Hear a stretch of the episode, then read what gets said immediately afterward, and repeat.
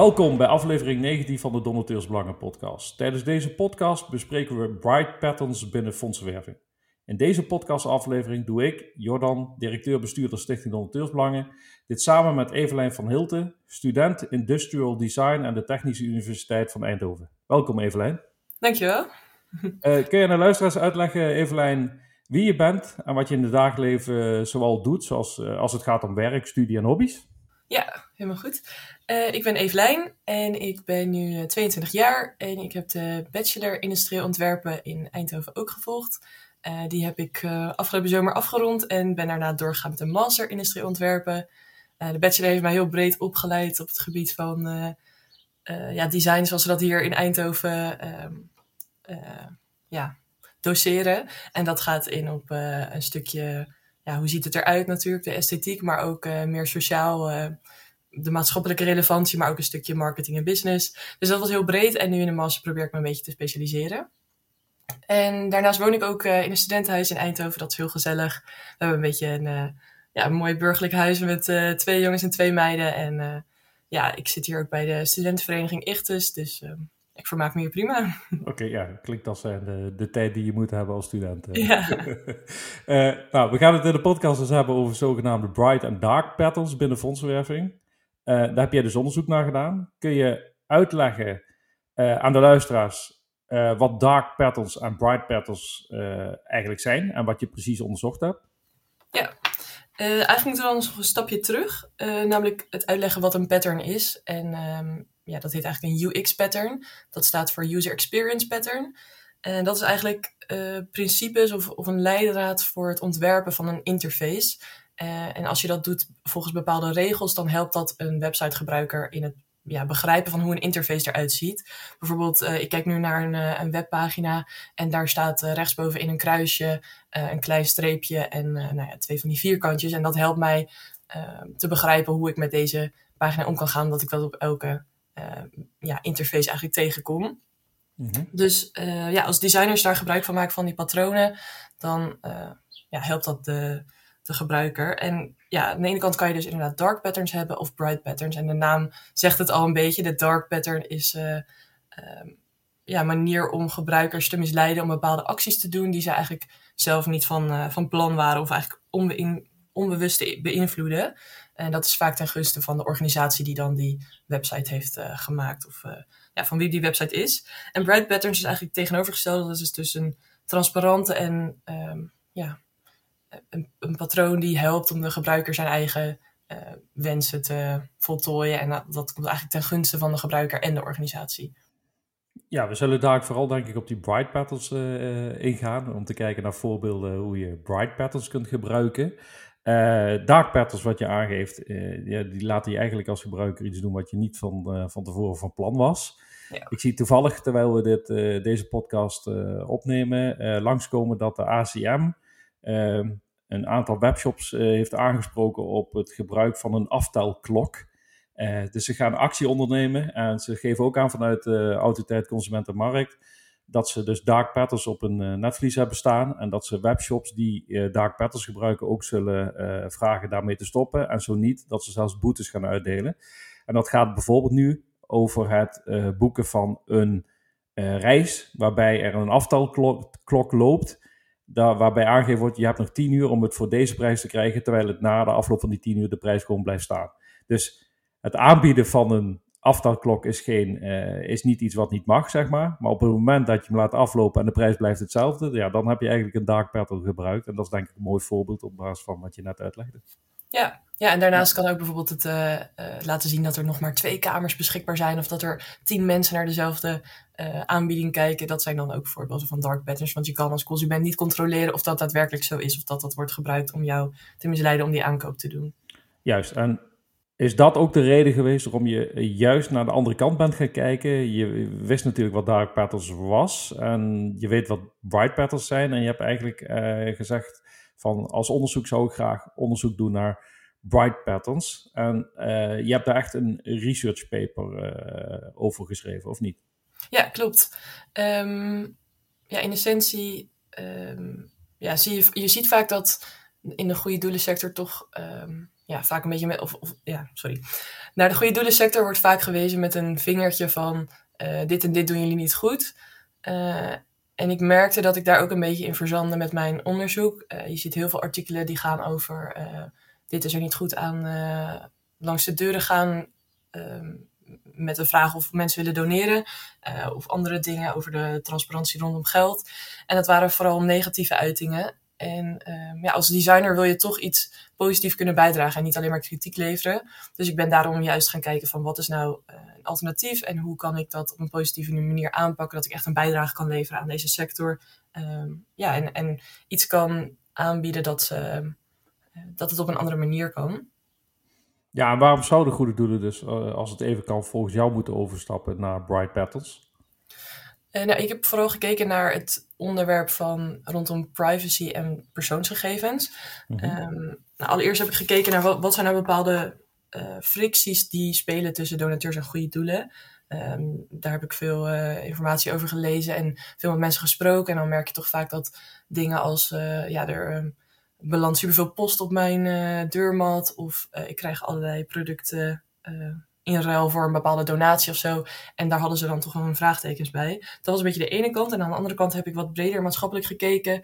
En daar zag ik dat um, eigenlijk mensen veel meer uh, weerstand uh, creëren tegen de big tech companies. Zo heb ik bijvoorbeeld vanochtend las ik nog een artikel over Amazon, die nu um, ja, aangeklaagd is voor privacy schending en het ongevraagd volgen van klanten. En dit was eigenlijk een beetje de aanleiding om te kijken van hoe gaan goede doelen nou met uh, privacy en persoonsgegevens om. Uh, want ja, de visie was een beetje als, uh, als ze dit op een verkeerde manier doen en dit komt over een tijdje in de media en er komt weer een enorme vlaag van kritiek op de sector. Dat is niet goed voor het vertrouwen dat men heeft in de goede doelensector. Dus vanuit daar um, heb ik gekeken naar hoe kan het anders en dus specifiek op het gebied van, uh, van gegevens en, uh, en privacy, omdat dat gewoon heel belangrijk is nu online. dus een van die dingen is bijvoorbeeld eenvoudige toestemming geven. zo heet de Bright Pattern. En dat gaat er dan om dat het systeem toestemming vraagt voor het volgen van de donateur en dat, dat hij dat op een begrijpbare manier communiceert. Daarbij bijvoorbeeld voorbeelden geeft, maar ook zorgt dat het gebruik van de website niet gehinderd wordt. Want dat, ja, zo gaven andere designers en donateurs dat aan, dat als zij gehinderd worden om een bepaalde website te gebruiken, dat ze dan al snel naar een andere pagina gaan. En dat is natuurlijk niet gunstig voor, uh, voor het goede doel. Uh, nou is dit natuurlijk niet super specifiek voor goede doelen, omdat dit ook um, uh, op andere websites heel belangrijk is met cookies en het, het, trekken van de gebruiker. maar bijvoorbeeld ook over kostentransparantie, dat er aan de ene kant gecommuniceerd wordt over het kostenplaatje, maar ook wanneer um, wanneer een donatieinterface gepersonaliseerd wordt. Dus ik als student ontvang misschien een andere um, voorstel van donaties dan, uh, dan jij, Jordan. Um, dat daar dan over gecommuniceerd wordt. Dus dat het transparant is uh, dat ik een andere interface gepresenteerd krijg, gebaseerd op mijn persoonlijke gegevens. Mm -hmm. um, en dat uh, bij die Bright Pattern van kostentransparantie zou bijvoorbeeld ook passen dat de bedragen worden gevisualiseerd in bepaalde producten, zodat je ja, ook weet wat, uh, wat dat geldbedrag nou precies kan doen. Ja, voordat we nog andere voorbeelden van Bright Battles doornemen. Uh, wat is eigenlijk het uiteindelijke doel, uh, als, het, als jij er naar kijkt, om als non-profit Bright Battles toe te passen? Wat gaat je dat brengen in plaats van misschien de huidige gebruik van dark patterns? Dus ja. van dark patterns wordt vaak gezegd van dat helpt ons om een bepaalde keuze te laten maken of iemand iets te laten doen waarvan we dan weten dat dat ook gebeurt. Bij Bright Battles moet iemand juist geïnformeerd worden en die keuze ook zelf maken. Dus gaat dat vanuit een fondswerver gezien misschien niet juist ten koste van de conversie of andere zaken. Dus hoe gaan Bright Battles goede doelen nou daadwerkelijk helpen? Ja, dat is een goede vraag. Um, ja, als ik uh, met fondswervers spreek of met mensen die in deze sector werken, dan is dat inderdaad een veelgehoord uh, punt van, uh, stel ik geef de donateur heel veel opties of keuzes. Uh, ja, komt dat niet inderdaad ten slechte van de donaties.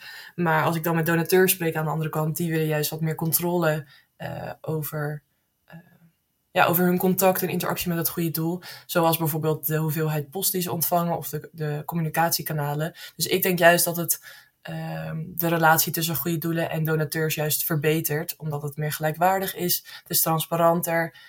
en de, de, donateur heeft gewoon meer zeggenschap over wat er gebeurt. En dat zijn we eigenlijk gewend in allerlei systemen. Ehm, je hebt overal een account en je kan overal je instellingen doorvoeren. Of je wel of geen meldingen krijgt. Of je, ehm, nou ja, ga zo maar door.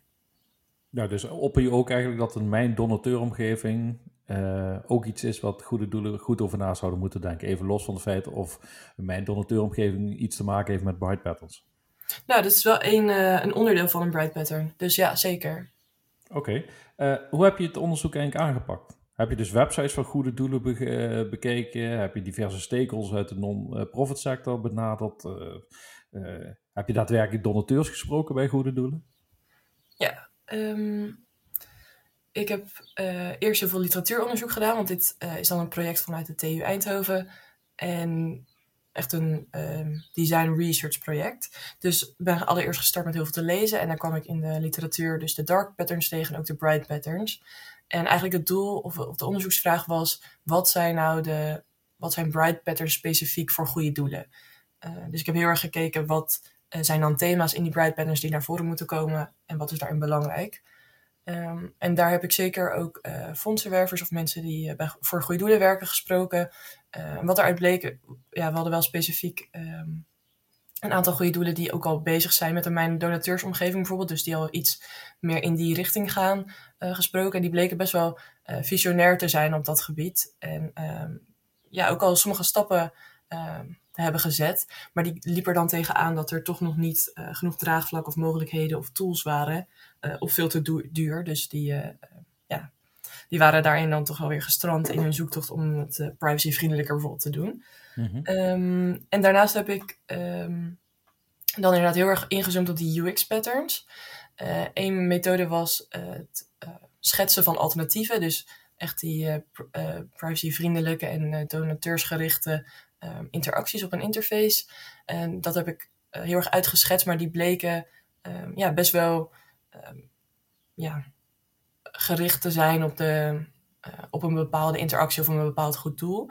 Uh, dus om dat uit te zoomen en meer te komen bij die regels en die principes, heb ik een methode gebruikt dat heet semiotics. En dat gaat over het bestuderen van tekens of signalen, omdat dat eigenlijk die patterns ook uh, houden dat ook heel erg in. Het, het begeleidt de gebruiker heel erg. En um, ja, we begrijpen echt een interface door die verschillende onderdelen.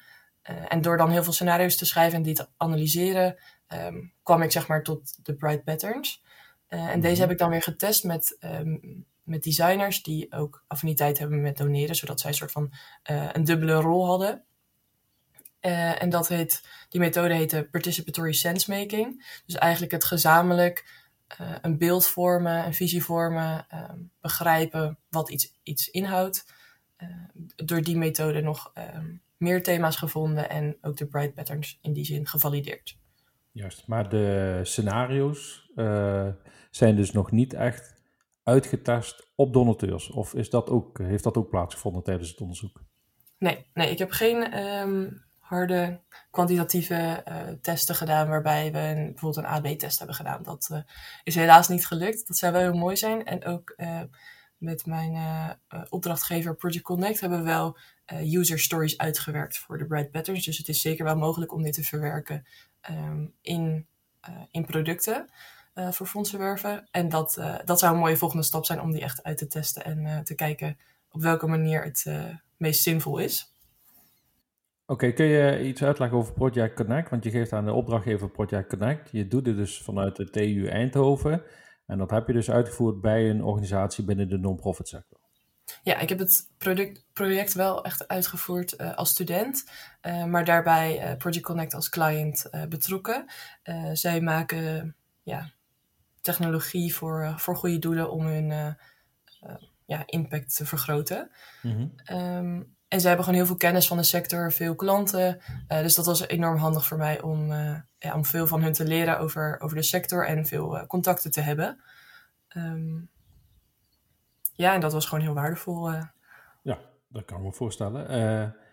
je hebt ook samen met Project Connect, als ik de Project Connect Foundation, als ik het goed heb, een flyer gemaakt met daarop de richtlijnen voor transparant fondsenwerven. Die flyer geeft dus uitleg over bepaalde bright patterns die je onderzocht hebt. Uh, of uh, geconsulteerd hebt, zeg maar, hoe je dat kunt toepassen. Of uitgewerkt hebt. Um, ja, die flyer uh, zal. wie is de doelgroep voor die flyer uiteindelijk? Zijn dat de fondswervers bij Goede Doelen? Of zijn dat andere personen of afdelingen? Ja, in eerste essentie is de, zijn ontwerpers de doelgroep. Um, ik heb namelijk ook interviews gedaan met eh, UX-designers. En die gaven aan dat ze soms uh, ja, in een opdracht voor een goed doel bepaalde uh, dark patterns eigenlijk moesten implementeren en moesten realiseren. en dat stootte hun nog wel eens tegen de borst, maar daar probeerden ze dan iets van te zeggen, maar daar werd niet altijd navolging aan gegeven. Dus die designers voelden zich in die zin een soort machteloos van ehm, ik zie dat hier iets mis is en het gaat tegen mijn ethische overwegingen in. Uh, maar ik kan hier eigenlijk vrij weinig aan veranderen, omdat ja, ik als designer uh, heb maar, maar één stem en uh, de verantwoordelijkheid ligt bij het goede doel natuurlijk. Ja, zeg, je, zeg je eigenlijk dus een, uh, bijvoorbeeld de verantwoordelijke voor het opleveren van een donatiemodule voor een goed doel, oftewel de fondsenwerver, die binnen een bepaalde methode verwerken. Ik pak even een Agile Scrum methode in een sprint werkt en die zegt van ik wil iets opgeleverd hebben in onze donatiemodule en dit moet zo en zo en zo gaan functioneren. En dan blijft er eigenlijk weinig speelruimte voor die UX'er om dat op een eigen manier in te vullen, omdat eigenlijk voorgekoud is. Uh, ik noem maar even voorbeeld. Het vinkje, de nieuwsbrief ontvangen, moet standaard aangevinkt zijn, punt. Ja, precies. Dat is dan een voorwaarde in zo'n opdracht. Uh, terwijl zij denken, nou, dat, dat zou ik eigenlijk vanuit mezelf of uh, vanuit mezelf als gebruiker niet willen. Uh, en, en daar heb ik dan specifiek deze flyer voor ontwikkeld. Um, dat ze echt ondersteund worden om, uh, om eens hierover na te denken en om dit ook aan te dragen als ze dan tegen zo'n dark pattern aanlopen. Want een dark pattern hoeft niet altijd um, heel expres of expliciet uh, bedacht te zijn of uh, als voorwaarde van het moet zo en zo. Dat kan ook er een beetje insluipen of uh, vanwege onwetendheid gedaan worden. en dit kan dan gewoon heel erg helpen om na te denken over alternatieven. Want dit zijn ook niet. Um, dit is nog best wel van een hoog niveau. Je moet er alsnog zelf over in gesprek gaan en over nadenken van hoe gaan we het dan wel vormgeven. Juist, maar dat zou dus een uh, handvat bieden, zeg maar, uh, om de discussie op te starten. Waarbij je dus ook als designer kunt zeggen van, we zouden ook altijd nog een, als je die tools tenminste tot je beschikking hebt, een AB-vergelijking kunnen maken tussen jouw fondsverwervende dark pattern en mijn volgens UX beter ethisch uh, vormgegeven bright pattern om te zien of die net zo goed werkt als die dark pattern. Ja. En even, los, van, ja, ja, en even los van de vraag dan of die uh, dark pattern überhaupt eigenlijk uh, wel uh, online zou moeten staan natuurlijk. Mm -hmm. Ja, dan vind ik het wel spannend om te zeggen dat die bright pattern daadwerkelijk meer oplevert, maar dat hoeft misschien niet ehm, in de vorm van iets kwantitatiefs te zijn, bijvoorbeeld de hoogte of de, ehm, ja, de hoeveelheid donaties, maar dat zou ook ja, in de relatie op langere termijn zeg maar, zijn uitwerking kunnen hebben. Juist, eigenlijk zeg je dus, uh, die bright patterns die zullen voor een uh, relatie bevorderen uh, werken tussen de gever en het goede doel. Dus het donateursvertrouwen zal omhoog gaan. En eigenlijk word je hier als organisatie donateur gerichter door, omdat je vanuit het donateursperspectief meedenkt met die donateur. Hoe kan ik mijn, ja, hoe noem dat, persoonsgegevens waarborgen, et cetera, et cetera. En juist geïnformeerd te worden over wat er gebeurt als ik een bepaalde keuze maak op een bepaalde interface of formulier. Ja. Oké. Okay. Um, ehm, als we dan over die bright patterns uh, hebben, uh, je hebt er net uh, twee genoemd: eenvoudige toestemming en kostentransparantie. Ehm, eenvoudige toestemming. Valt daar ook onder wat ik net als voorbeeld gaf, het standaard aangevinkt hebben staan, bijvoorbeeld van een, ik wil een nieuwsbrief ontvangen? Of valt dat daar niet onder? Um, ja. Ja, in die zin wel. Het zou ook onder... Ehm, ja, ik denk wel onder eenvoudige toestemming. Uh, maar dat, dat is ook nog wel weer een beetje complexer. Want volgens mij is dat uh, vanuit de wet überhaupt al verboden. Het uh, automatisch aanvinken van bepaalde dingen. Ja, ik, ik, dat gaat over cookies volgens mij. Nou, dat gaat niet over de cookies. Het gaat meer over als je in een uh, donatiemodule geld kunt geven aan een goed doel. Dan staat er meestal, ik wil de nieuwsbrief ontvangen van dit goede doel. En dat vinkje staat dan standaard aangevinkt dat je automatisch ook die nieuwsbrief gaat ontvangen als je het niet uitvinkt. Dus eigenlijk staat uh, het standaard aangevinkt, wat betekent dat er een opt-out principe is, waarbij je als donateur zelf de keuze moet maken dat je hem uitvinkt voordat je die nieuwsbrief niet ontvangt, in plaats van dat je opt-in iets aanvinkt dat je hem juist wil ontvangen. Ja. Ja, dat is inderdaad een dark pattern als die, uh, als die aangevinkt staat. Ik weet niet of die 1, 2, 3 binnen mijn bright patterns ergens binnenvalt. Uh, maar inderdaad, ik denk dat die bij eenvoudige toestemming het meeste aansluit. Ja, dat gevoel heb ik ook. En goede doelen leggen uit dat vanuit de telecommunicatiewet het toegestaan is om zo'n vinkje standaard aan te hebben staan. Alleen ja, uit uh, ethisch fondsenwerven oogpunt en vanuit een bright pattern gedachte wil je eigenlijk die keuzevrijheid toch bij de donateur laten, zou je zeggen. Die zelf de keuze maakt of die die nieuwsbrief wel of niet uh, wil ontvangen. Ja, en in zo'n zin kan bijvoorbeeld ook zijn uh, dat er een dubbele ontkenning wordt gebruikt. Nou kom je dat volgens mij bij goede doelen iets minder tegen dan bij commerciële uh, partijen, maar dat zou ook nog een dark pattern zijn. Dat, er, dat die dan dus niet, het vinkje is dan wel niet ingevuld, uh, maar in de zin staat eigenlijk dat je dan dus wel toestemming geeft ja, voor die... de nieuwsbrief. En dan zou je hem aan moeten klikken om niet de nieuwsbrief te ontvangen. Juist, nou die voorbeelden zijn wij als tegen donateursbelangen ook tegengekomen. Oh. Uh, dus er zijn, dat zijn er heel weinig gelukkig, maar er zijn een x-aantal goede doelen die de dubbele ontkenning gebruiken, waardoor je eigenlijk heel goed moet lezen, wat betekent dat vind je nu als ik hem aan of uitzet. Ja. Uh, dus vaak niet te begrijpen als je het heel snel wil invullen bijvoorbeeld. Um, Kun je een volgende voorbeeld van een bright pattern geven? Ja, dat gaat over donateursprofielen. En uh, dat gaat over het segmenteren van donateurs. Dat wordt natuurlijk heel erg veel gedaan. Ehm, nou, kun je misschien kort uitleggen? ik vind het zelf ook altijd nog wel lastig. Ik weet natuurlijk wat het betekent. Maar kun je kort uitleggen wat het eigenlijk is, segmenteren van donateurs? Ja, ja, als ik zo terugdenk aan het begin dat ik begon aan deze opdracht, begreep ik dat ook nog niet. Dus dat is een goede dat je vraagt of ik dat wil uitleggen. Um, zoals ik het begrijp, is het segmenteren van donateurs het uh, indelen van donateurs in bepaalde groepen. Zodat je die groep op een bepaalde manier kan benaderen die het meest effectief is voor zo'n groep. Dus uh, stel, er kan op leeftijd een uh, bepaalde groepen gemaakt worden of op basis van interesses. Um, dus dat wordt gedaan en volgens mij ga je van als donateur ook steeds van een bepaalde groep naar een andere groep, naarmate je meer interactie hebt gehad en nou ja, toch misschien blijkt dat je bij een andere groep hoort. Nou, bijvoorbeeld een, simpel voorbeeld. Ik geef een tientje en ik uh, win de staatsloterij. Uh, en ik ga opeens veel meer geld geven aan een bepaald goed doel. Waardoor ik van het segment uh, particuliere donateur naar een major donor ga bijvoorbeeld. Dus ja, ik word gesegmenteerd vanuit een standaard particuliere donateur naar een major donor die veel geld geeft. Ja, goeie. Um, nou, ik denk dat daarin het mooi zou zijn als, de, als het goede doel daar iets transparanter is in, in het feit dat ze dat doen. dat is natuurlijk ook een beetje ingewikkeld, omdat ze daarin ook veel prijs geven over dus, hun strategie. Mm -hmm. Maar dan denk ik vanuit de donateurskant dat daar veel meer, um, ja, veel meer coöperatie mag zijn, een gelijkwaardige relatie. Dus bijvoorbeeld door het opgeven van voorkeuren die de segmentatie kunnen beïnvloeden. Want vaak um, nou, stel het goede doel denkt dat ik een bepaalde interesse heb, dan wordt dat dus afgeleid vanuit mijn gedrag op de website, wat dus door die cookies of door bepaalde interacties uh, allemaal opgeslagen wordt. Uh, maar het lijkt mij mooi als dat meer een, een interactie kan zijn waarin uh, door vraag en antwoord zulke voorkeuren gevonden kunnen worden en dat een donateur dat ook beter begrijpt. Um, ja, en ook voorkeuren zoals dus interesses, maar ook het contactfrequentie en de communicatiekanalen is daarin denk ik best wel belangrijk. want ik heb ja, gewoon heel erg gemerkt in elke, elk gesprek met een donateur dat ja, iedereen is anders. Um, dat is daarom dus door segmenteren wordt dat redelijk opgevangen door dus die groep op een andere manier te benaderen.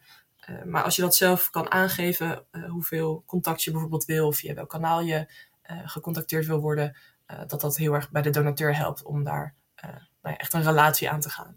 Juist, en waar je interessegebieden liggen bijvoorbeeld. En de, de, projecten die je interessant vindt van een organisatie, et cetera. Waardoor je dus specifiek daarover uh, informatie gaat ontvangen. Uh, ja, ja? En zeker denk ik bij um, de trend dat er nu steeds meer eenmalige donaties komen, is het best lastig om die donateurs, uh, denk ik, te vangen. En dat, dat het alleen maar wrikt als het dus heel erg vanuit de fondsenwervende kant wordt gedacht van nou laten we die persoon dan in, een, in bepaalde sluizen uh, stoppen. Um, dat ze dus een, een welkomstmail krijgen. En nou ja, daarop volgt mail 1, 2 en 3.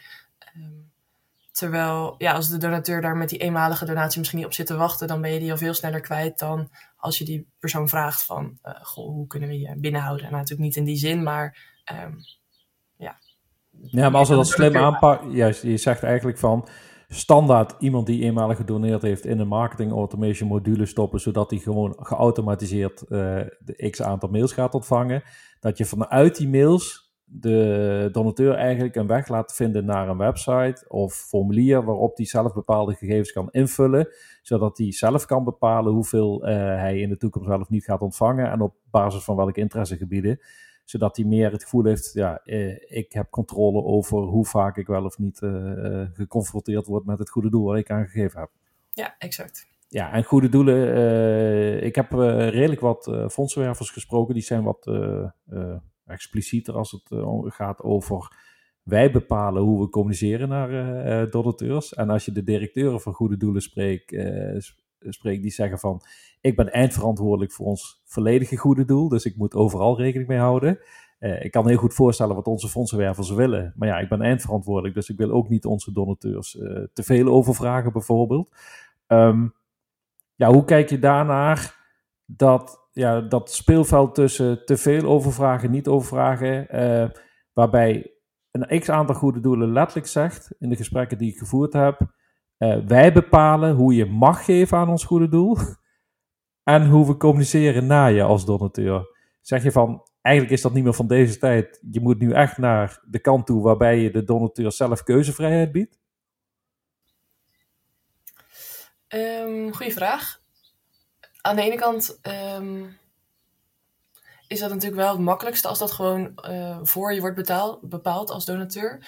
Uh, omdat wat je ook heel erg ziet is dat we in zo'n samenleving leven waar, waarin alles snel gaat en alles um, ja, dan is het ook makkelijk als er al bepaalde voorkeur ingesteld staat en je alleen op oké hoeft te drukken. Dan uh, heb je zo min mogelijk barrières, hoef je zo min mogelijk keuzes te maken. Uh, gaat alles zo snel mogelijk. Dus dat is heel makkelijk voor de, voor de donateur. aan de andere kant denk ik inderdaad dat het waardevoller is om echt die relatie um, op te bouwen waarin er echt input of geluisterd wordt naar de input van de donateur. en dat dat heel erg belangrijk is. Um, ja, beantwoordt dat je vraag zo een beetje of kan je hem herhalen? Ja, nou, maar ik denk wel dat dit de vraag beantwoordt. Uh, ik kan misschien nog een keer aangeven van uh, wat veel goede doelen op dit moment doen, is gewoon altijd en overal verwijzen naar de privacyverklaring en that's it. Ja. Het is klaar. Uh, op de privacyverklaring kun je alles teruglezen, punt. Nou, ik denk, dat weet ik niet, maar dat is dan de vraag aan jou. heeft jouw onderzoek ook laten zien van Alleen de privacyverklaring is onvoldoende. Je moet echt meer doen voor een uh, relatie uh, met een donateur. Ja, goed, goed punt. Um, ik ben in het begin ook een paar privacyverklaringen ingedoken. En daar had ik echt zoveel vraagtekens bij. Um, bijvoorbeeld nou, een bepaalde organisatie waar ik nou, eigenlijk als donateur kon ik informatie lezen en doneren. Dus er was geen mijn omgeving of iets dergelijks. En daar stonden dan dingen in die privacyverklaring als ja, het onthouden van je inloggegevens. En um, uh, er stond iets van je connecten wereldwijd met andere personen. En dat was zo'n gestandardiseerde privacyverklaring dat dat, nou ja, als je dus heel eventjes daar doorheen scrolde en je op inlas, kreeg je eigenlijk het gevoel dat daar, um, ja, dat dat eigenlijk nergens op sloeg. Dus dat is ook onderdeel van zo'n bright pattern van, uh, ja, Leg, leg, ja, leg die onderdelen uit waar het over gaat in een privacyverklaring bijvoorbeeld tijdens het... Uh, ja, en, en, selecteer ook daadwerkelijk op... Uh, vaak wordt er een hele standaard uh, cookie interface geïmplementeerd, omdat dat wel natuurlijk alles dekt. dat is zo veilig mogelijk. Maar mm daarbij wordt er wel heel veel overbodige informatie ehm, ja, eigenlijk getracked en daar toestemming voor gevraagd die helemaal niet relevant is. Dus waarom uh, mijn voorstel zou dan zijn: kijk iets langer naar die privacyverklaring en implementeer alleen de dingen die daadwerkelijk relevant zijn. Um, vaak zijn alleen de, de noodzakelijke cookies relevant voor, voor een redelijk klein goed doel. Die heeft helemaal niks aan al die andere uh, cookies, want daar doen ze niks mee. Dus waarom moet dat um, verzameld worden? Want dat uh, voedt wel de Google Analytics bijvoorbeeld. En Google, nou, die kan wel hartstikke veel met die gegevens. Nou ja, het zal natuurlijk best wel op een kleine schaal zijn. Uh, maar er wordt dus onnodig allerlei informatie verzameld. En als dat gewoon gespecificeerd wordt op, uh, op jouw goede doel, dan lijkt dat me mooier dan uh, gewoon maar te gaan met de standaard. Ja, we hebben ook nog een onderzoek gedaan uh, onder donatiemodules. En daar hebben we niet specifiek ingezoomd op cookies. we hebben er wel naar gekeken, maar we hebben dat niet verder zelf onderzocht. Maar er zijn bijvoorbeeld goede doelen die aangeven, je moet akkoord gaan met de cookies zetten. En als je dan ja zegt, dan worden de cookies gezet. Maar kom je rechtstreeks op de donatiemodulepagina binnen. Ook als je die pagina dus nooit bezocht hebt of heb je, je al je cookies weggegooid, zeg maar. Op het moment dat je de donatiemodulepagina opent, wordt er al zo'n 20 cookies gezet. Ja, en als donateur weet je natuurlijk niet wat al die cookies doen. Uh, en pas als je dan, dan staat daar die cookieverklaring op. En als je ja zegt, dan worden er nog eens 80 bijgezet. Er zijn voorbeeldorganisaties die meer dan 100 cookies op een donatiemodulepagina bestaan. En dan, ja, dan vraag je als donateur natuurlijk af van wat gebeurt hier. Niet dat donateurs dat zelf zien, die kijken daar niet naar. Uh, die, die kijken daar niet in die diepte naar. Uh, maar wij vanuit Stichting Donateursbelangen kijken daar natuurlijk wel uh, kort naar. Zo van, wat, ja, wat gebeurt daar als je ziet dat er 100 cookies worden gezet? En die cookies zullen waarschijnlijk dus ook het hele klikgedrag wat op de website plaatsvindt ook gaan registreren op de een of andere manier. Ja, ja nou heb ik via Project Connect ook uh, ja, in, zo, in hun platformen kunnen kijken waar dan nou ja, van... Um, even kijken, van donateurs werd dan heel veel verzameld. Ik weet even niet meer hoe dat heet, maar er werd ook een bepaalde score berekend. Dat zijn allemaal marketing uh, dingen waar ik niet heel veel van af weet. Um, maar daar vroeg ik ook, wat wordt hiermee gedaan? En dan was het antwoord eigenlijk, ja, ja, weten we eigenlijk ook niet. En is het wel zo relevant? Uh, en nou ja, dat, daar ga je dan toch vragen bij stellen. En dat is denk ik nog best wel nieuw. En dat is ook prima om daar gaandeweg een weg in te vinden. Maar ik denk wel dat daar nou ja, goed over nagedacht mag worden van is het nou echt zo relevant wat wij allemaal verzamelen? En um, ja, mocht er een keer um, ergens een lek zitten, um, ja, wat, wat, ligt er dan allemaal op staat van je donateurs? Juist. Nou, wat je aangeeft, denk ik, is uh, wat nu een nieuw toverwoord is in de non-profit sector: data-driven fundraising. En zelfs ja. gebruik maken van kunstmatige intelligentie en machine learning. Uh, maar om data-driven fundraising, oftewel datagedreven fondswerven, toe te kunnen passen, zeggen dus nu heel veel partijen, je moet zoveel mogelijk opslaan en je moet zoveel mogelijk weten van je donateur. Dus uh, sla ze volledige klikgedrag op, uh, uh, achterhaal zoveel mogelijk informatie van de donateur, et cetera. Want het zou je in de toekomst helpen bij een bepaalde manier om hem te benaderen. alleen, ja, de grote vraag is, is het wel het moment om, ja, zoals ze dat noemen, businessmodellen te maken die gebaseerd zijn op het zoveel mogelijk vastleggen van data over je gebruikers. En zeker in de non-profit sector, als je het mij vraagt, ik weet niet hoe jij er naar kijkt, ja, dan heb je ook iets als ethisch uh, omgaan met mensen die, uh, ja, die gratis hun geld weggeven aan je. Ja, ja zeker. Ja, dat was een veel gehoord ehm, punt in, in mijn user test, zeg maar. dat mensen niet alleen maar geld doneren, maar ook hun data. En dat dat toch iets is waar ze dan over na gaan denken.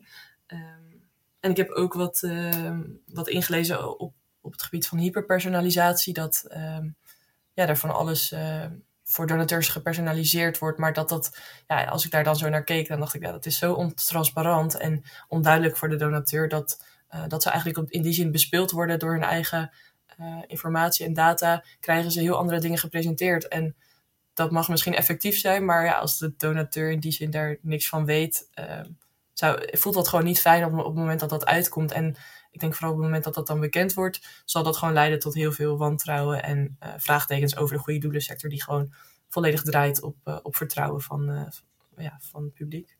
Ja, als ik jou een vraag mag stellen. stel je geeft 10 euro aan een goed doel. Is bij jou bekend dat daar een schenkingsovereenkomst aan de grondslag ligt? Um, nou, het woord schenkingsovereenkomst, dat zegt mij niks. Maar ik weet inmiddels nu wel dat het uh, CBF bijvoorbeeld hele mooie um, pagina's heeft vol met informatie over uh, die kostentransparantie. En ja, iets wat vaak terugkwam uh, in gesprekken met donateurs, is dat ze toch, um, ja, maakt niet uit eigenlijk wel de vraag was, maar het, het gesprek ging altijd wel eventjes over het punt van, ja, maar ik weet niet waar mijn geld naartoe gaat. En eigenlijk het enige wat ik wil um, is bewijs of, of iets van uh, informatie over waar mijn donatie daadwerkelijk naartoe gaat. Uh, terwijl er dus al mooie dingen zijn, zoals het CBF, die daar gewoon transparant over is en informatie over aanbiedt. Uh, maar dit is gewoon onbekend bij donateurs. En een schenkingsovereenkomst, ja, ik weet eigenlijk niet wat het is. Nou, wij zijn zelf daar onderzoek naar aan het doen. We hebben nu een pagina gemaakt die uitlegt een donatie is een gift. En een gift valt onder het burgerlijk wetboek 7, artikel 175. daar zijn we nog aan het onderzoeken.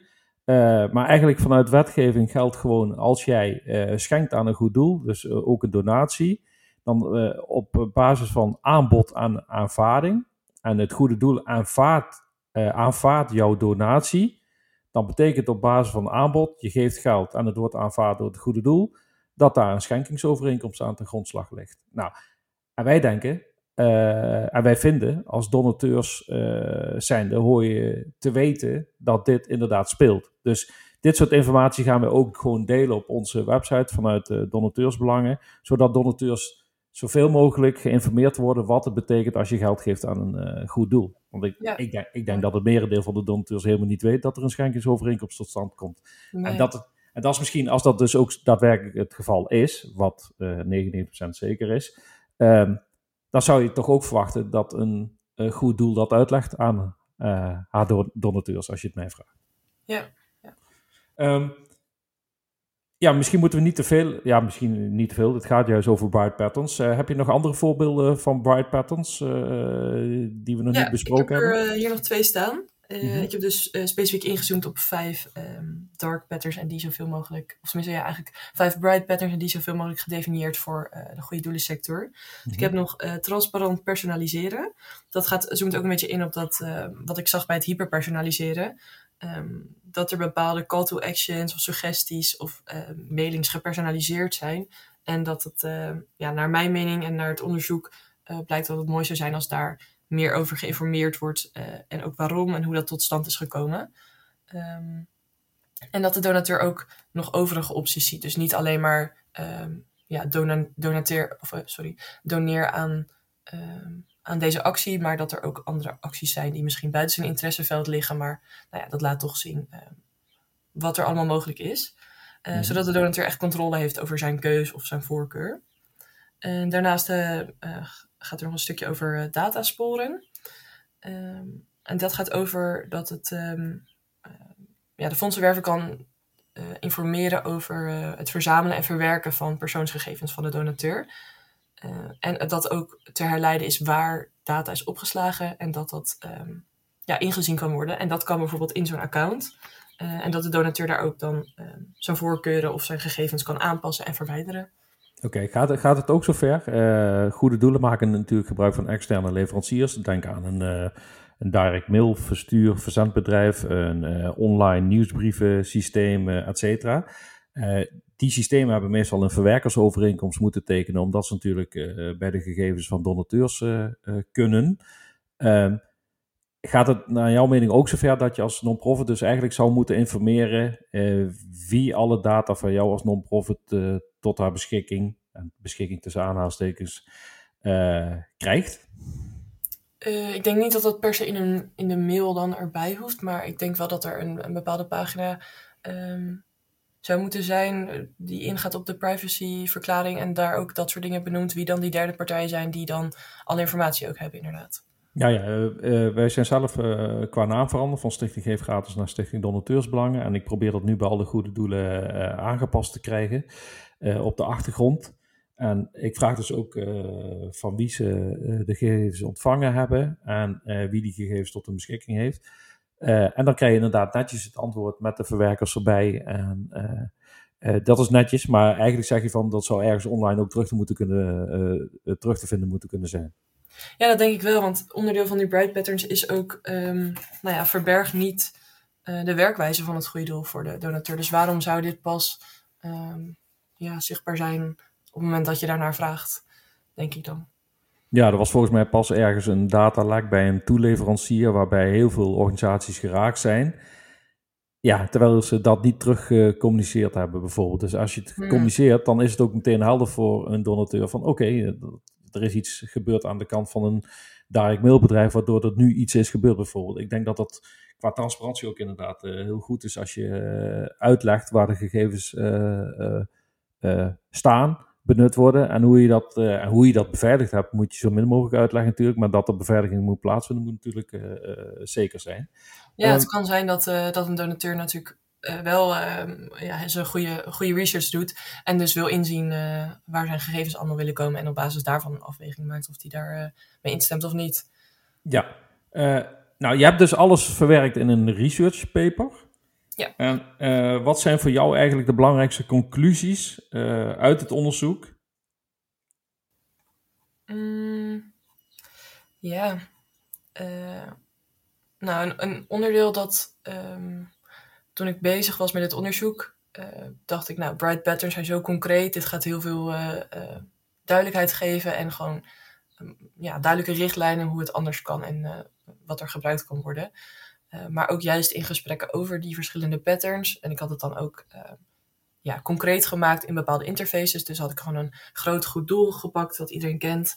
Ehm, niet per se om, om de bepaalde gevoelens die mensen daarbij hadden, maar gewoon om ja, puur dat als neutraal uh, groot goed doel te pakken en dat dan uh, ja, verschillende methodes op toe te passen. Dus wat meer dark en wat meer bright. En daarover in gesprek te gaan. En dan blijkt toch dat ja, elke donateur is gewoon zo verschillend. Iedereen kijkt er met zijn eigen blik naar. Dus sommige mensen gingen ehm, ja, in gesprek over de visuele aspecten en andere over de textuele aspecten. En zo zie je dat, ja, dat het gewoon ontzettend belangrijk is om met, met elkaar, met donateurs in gesprek te gaan over ja, hoe geef je nou interacties en interfaces vorm? waar let je op? En um, ja, gewoon een individu kan aandacht geven aan het een als ontwerper. En ehm, dat kan verkeerd geïnterpreteerd worden, want ook in de bright patterns werden best wel wat onderdelen als dark aange uh, stipt. Dus zo, um, ja, zo, zo is het best wel interpreteerbaar. En ja, moet je daar goed, goed over nadenken. Oké, en uh, het volledige onderzoek met dit soort conclusies, komt dat ook ergens online? Wordt het gedeeld ergens? Nou, ik ben nu nog in afwachting van de feedback van de universiteit en ook van een cijfer. dus in die zin hou ik het nu nog eventjes voor mezelf. Maar ik, ja, ehm, mogelijk wil ik het nog publiceren. En ook als mensen geïnteresseerd zijn, kan ik het zeker gewoon um, één op één verstrekken. Dus dan kan iemand contact met mij opnemen. Oké, hallo. en zou je zelf op basis van datgene wat je dus onderzocht hebt aan de slag willen gaan in de goede doelensector na je studieperiode? Of zeg je van dit was gewoon een eenmalig onderzoekje binnen de non-profit sector en daar blijft het bij? Nee, ik zou wel heel graag door willen in de non-profit sector. Ja, ik heb ehm, ja, specifiek mijn master de master is heel vrij hier in Eindhoven. Dus uh, ja, hoe ik hem wil inrichten en inzetten, is om echt me voor te bereiden op een carrière in een non-profit uh, als designer. Omdat ik gewoon denk dat het heel mooi werk is en je kan anderen helpen. En nou ja, dat wil ik natuurlijk ook nog op zo'n ethisch uh, mogelijke manier. Dus dit is alleen nog maar een start, denk ik. Ja, maar dat betekent dus wel als een goed doel en uh, fondswervende afdeling met Evelijn te maken krijgt op UX, dat ze wel uh, wat dis discussies kunnen verwachten. Ja, ja een beetje op stel te zetten. nou, op stel te zetten, ik denk dat het juist heel goed is als ze iemand zoals jou uh, erbij hebben. omdat dat denk ik inderdaad naar de toekomst toe meer en meer mensen worden zich bewust van hun privacy, persoonsgegevens, wat ermee gedaan wordt. En meer en meer uh, donateurs zullen in de toekomst ook vragen gaan stellen uh, wat daarmee gebeurt. Dus ja, als je daar meteen rekening mee houdt tijdens het ontwerp, dan kun je een hoop vragen voorkomen, waardoor je waarschijnlijk weer een, hoop tijd kunt besparen aan de kant van jou als uh, goede doelzin. Ja. Dus um, oké. Okay. wat ik begreep is dat je op vrijdag 9 juni jouw resultaten op de TU Eindhoven op een zogenaamde demodag hebt gepresenteerd. kun je uitleggen wat zo'n Demo Day precies is en wat dat betekent? Ja, dat is goed. Uh, ja, op de Demo Day presenteert eigenlijk elke student of elk groepje uh, zijn project waar hij dan het afgelopen half jaar aan gewerkt heeft. dus dat is eigenlijk een hele ja, expositie van allerlei studentenprojecten. Dus dat is heel leuk om doorheen te lopen. En iedereen um, zit bij een bepaalde projectgroep aangesloten. ik zit bij de Transforming Practices Squad. En dat heet, of dat betekent dat we echt nadenken over wat zijn dingen die uh, nu gebeuren op een bepaalde manier en hoe zien we dat in de toekomst voor ons. Dus daar past dit project ook wel mooi bij, denk ik. Uh, echt kijken naar uh, ja, een beetje visionair van hoe zou dit anders kunnen. Um, ja, en daar had ik dan bijvoorbeeld ook die, die twee versies naast elkaar, die ehm, dark interface en de bright interfaces, had ik een, twee donatieboxen bijgezet. En dan met chocolademuntjes liet ik mensen doneren in die zin uh, voor uh, de ene interface of de andere interface. En op die manier ging ik dan met hun in gesprek. En daar kwamen ook die opmerkingen uit van, oh, maar ik dacht eigenlijk dat hier uh, zou ik dit eigenlijk als dark aanmerken. En hier in de dark better misschien iets dat ze juist wel heel fijn of goed vonden. Um, ja, maar eigenlijk, eigenlijk geeft zo'n demo day dus ook nog feedback die je wellicht nog in het onderzoek niet 1, 2, 3 gezien hebt, waar je nog ja, toe zou kunnen voegen voor de definitieve versie van het onderzoek. Ja, ja, zeker. Ja, je gaat gewoon echt in gesprek met mensen en uh, je presenteert je resultaten. En uh, ja. Ja, en wat, wat, wordt er nu verder met je onderzoek gedaan? Je zegt dus van mensen die het willen ontvangen, ik ga het misschien beschikbaar stellen of anders het op basis van één op één beschikbaar maken voor degene die er interesse in heeft. wordt er nog verder iets met je onderzoek gedaan? Ja, dat gaat inderdaad echt over die research paper.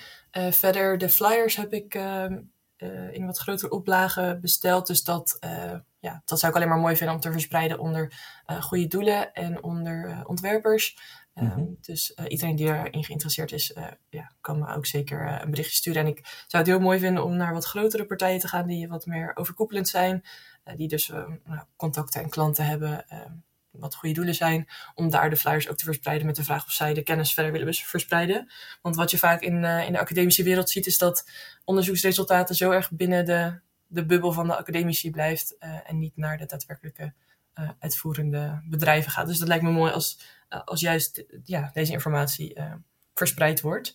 Um, ja, verder zijn er gesprekken om, om ja, iets van masterclasses te geven over UX patterns en daarbij de bright, dark en bright uh, patterns goed uit te leggen aan, uh, ja, eigenlijk mijn mede-professionals. En ja, zo um, designers voor te bereiden om hier gewoon goed, goed mee aan de slag te gaan. Ja, en, hoe kijk je eigenlijk naar een organisatie zoals die van ons, een Stichting Donateursbelangen, die vanuit het donateursperspectief kijkt naar fondsenwerving? Want tijdens het lanceren in 2022 waren er nogal wat ja, uh, kritische fondsenwervers die keken naar wat is de Stichting Donateursbelangen en hoe communiceren ze. Want ja, wij maken natuurlijk ook dit soort zaken bekend zoals jij dus nu onderzocht hebt.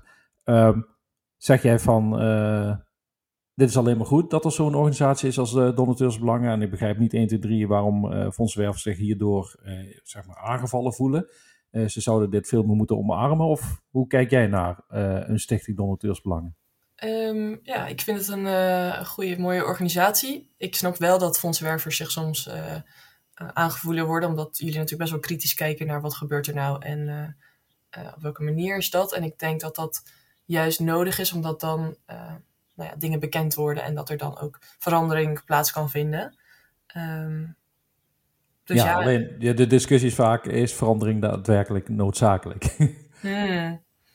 Ja, nou ja, daar kan je over discussiëren. ja, inderdaad. Uh, nou, uh, we lopen eigenlijk tegen het einde van de podcast aan, uh, ja. Evelijn. is er nog iets specifiek waar jij het nog over wilt hebben? Wil je nog iets specifiek aantippen? Um, nee, nee, ik denk dat we een mooi gesprek hebben gehad. Ja, dat denk ik ook. Dus mm-hmm. ik wil jou bedanken voor jouw uitleg. En met betrekking tot Bright Petals binnen fondsenwerving. Ja, en je natuurlijk veel succes wensen met datgene wat je in de toekomst gaat doen. En wellicht dus uh, in de non-profit sector, zoals je aangaf. Dankjewel. De Donateursbelangen podcast edities bestaan uit gesprekken over onderwerpen die spelen in de non-profit sector in Nederland. Voor meer informatie of eerdere afleveringen ga naar donateursbelangen.nl slash podcast. Wil jij of jouw organisatie een bijdrage leveren omdat jullie een interessant onderwerp hebben met betrekking tot de non-profit sector en donateursbelangen in het bijzonder? Neem dan contact met ons op. Tot de volgende Donateursbelangen podcast aflevering.